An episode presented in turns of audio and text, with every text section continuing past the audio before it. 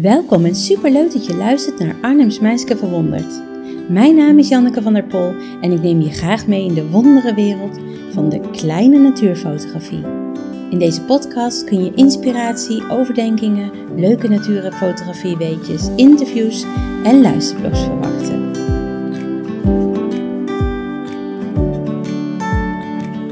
Deze podcastaflevering ga je luisteren naar een blog die ik heb geschreven voor mijn website arnhemsmeiske.nl. Veel plezier! Fotograferen bij regenachtig weer. Vandaag heb ik een nieuw woord geleerd. Een woord dat ik nog niet kende, maar dat wel perfect aansluit op het natte weer van vandaag. Pluviofiel. Pluviofiel is een lover of rain, someone who finds joy and peace of mind during rainy days. Ik ben geen pluviofiel. Ik zit veel liever lekker warm en droog met een kop warme thee binnen op de bank, dan dat ik in de regen naar buiten moet. Brr. Ik vind de regen daarentegen wel heerlijk als ik in bed lig en de regendruppeltjes tegen het raam hoor tikken. Op die comfortabele momentjes, vooral als ik mijn bed nog lang niet uit hoef, ben ik een ware regenliefhebber. Een pluviofiel optima forma. Maar de hele dag in bed liggen als het regent is ook zo zonde. Zeker als je een vrije dag voor de boeg hebt en dus ruim de tijd om er weer eens lekker met de camera op uit te gaan. Want eigenlijk is zo'n regenachtige dag het moment om jezelf eens echt uit te dagen. Hoeveel regenfoto's zie jij nou voorbij komen op Instagram of op Facebook? Niet zo heel veel. En als je er een al voorbij ziet komen, dan blijf je net wat langer kijken, want ongewone foto's vallen op. Ik daag je bij deze uit om je comfortabele cocon uit te stappen en de regen in te gaan. Als je na een paar uurtjes met modder op je schoenen, vuil op je kleren, doorweekt en koud het huis weer instapt, zul je trots zijn op jezelf. Je hebt jezelf overwonnen en op je SD-kaartje staan hopelijk een paar echte pareltjes. Foto's waarvoor je moeite hebt gedaan en waarvoor je hebt moeten afzien. En die zijn zoveel meer waard dan de snelgeschoten kiekjes. Gun jezelf die ervaring en ga op pad. Hopelijk helpen de volgende tips je bij deze nieuwe uitdaging. De voorbereiding. Sommige camera's zijn waterdicht en kun je zelfs onder een douche houden. De mijne zou dat ook moeten kunnen. Maar, dat kan de fabrikanten wel beloven, in de praktijk hou ik hem zelf het liefst droog.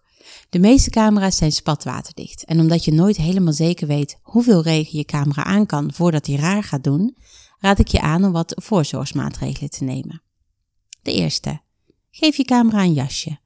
Regenhoezen kun je kant-en-klaar voor de camera kopen, maar ook zelf maken. Een plastic zak, waarin je een gat hebt geknipt de grootte van de diameter van de lens, voldoet prima. Bevestig de plastic zak met je zonnekap op de camera, zodat het goed vastzit en je kunt aan de slag.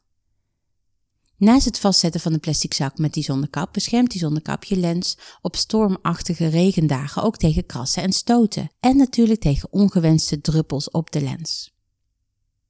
En de tweede is dat als het niet alleen nat, maar ook koud is buiten, je zult merken dat de batterijen sneller leeg gaan.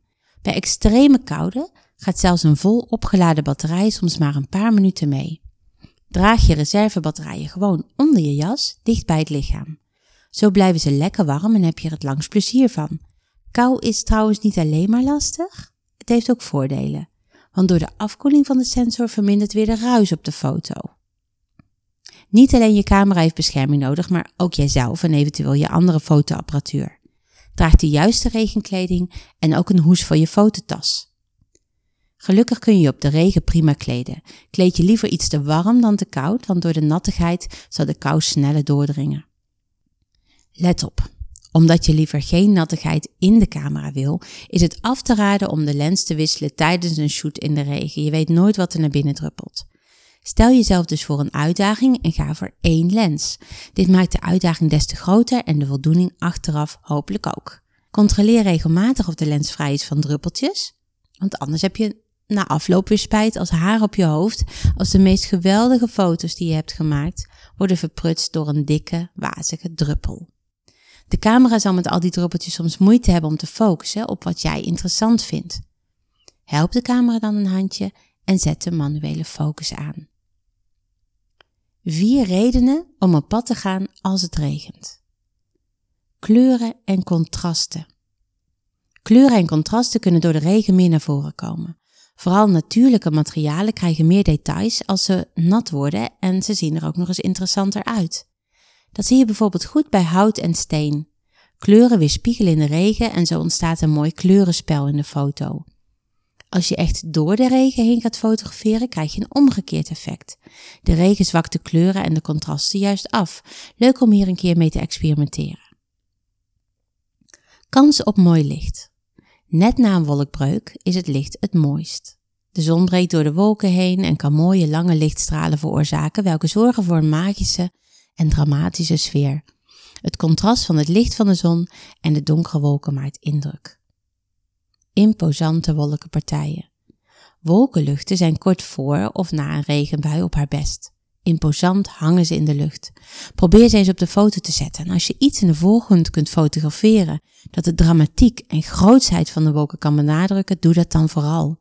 Om de foto dramatischer te maken, zet hem eens om in zwart-wit bijvoorbeeld. En vergroot het contrast een beetje, dan maakt de foto waarschijnlijk een stuk interessanter. Minder licht is een langere sluitertijd.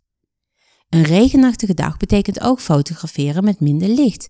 En dat levert haar geheel eigen uitdaging op. Maar een groot voordeel is dat je nu aan de slag kunt gaan met wat langere sluitertijden.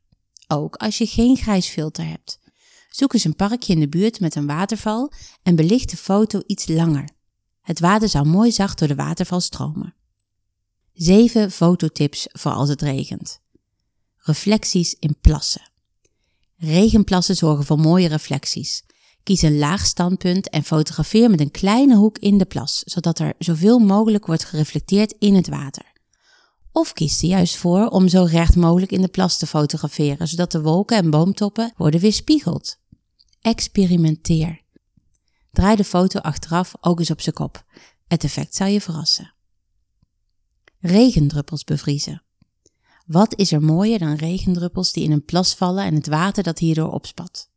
Ik hou er wel van. Op internet vind je allerlei tips om een opstelling thuis te maken, zodat je dit kunt nabootsen met een druppelaar een kraan.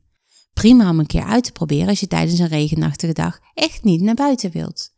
Maar als het regent, hoef je al die moeite natuurlijk helemaal niet te doen. Het is in elke regenplas voorhanden. Superhandig en het bespaart je veel moeite. Kies voor een wat kortere sluitertijd om de druppels te bevriezen en stel je camera in op continue opname. Je kunt dan thuis de beste compositie en foto kiezen. Omdat de camera waarschijnlijk moeite zou hebben met automatisch scherpstellen en het vinden van de juiste focus, moet je het wel een handje helpen. Stel eerst scherp op de juiste plaats door bijvoorbeeld de focus op je hand en gebruik daarna de handmatige scherpstelling. Als je dit niet doet, zal de camera moeite hebben met het vinden van de juiste focus. Macrofotografie. Het is verrassend hoe veelzijdig de wereld ineens wordt als je door een macrolens naar de wereld kijkt. Spinnetjes in een spinnenweb vol kleine druppeltjes, torretjes die zich vastklampen aan grasprietjes, een liviersbeestje bedekt met kleine druppeltjes of een springkaan in de regen. En probeer eens scherp te stellen op een druppeltje. Je zult er een hele wereld in gereflecteerd kunnen zien. Ook de combinatie van waterdruppels op een herfstblad is meer dan de moeite waard. Vertel eens een verhaal. Probeer eens een scène vast te leggen in de regen. Het is niet makkelijk. Een foto kan een heel verhaal vertellen, maar je moet het wel zien. Het dwingt je om te vertragen en de wereld om je heen in je op te nemen. Wat doen mensen of dieren? Waar gaan ze naartoe? Wat zouden ze denken? Probeer eens zo'n verhaal in één foto vast te leggen. Waterdruppels op ramen. Dit is een perfecte tip voor de niet-regenliefhebbers. Je mag hiervoor namelijk lekker binnen blijven.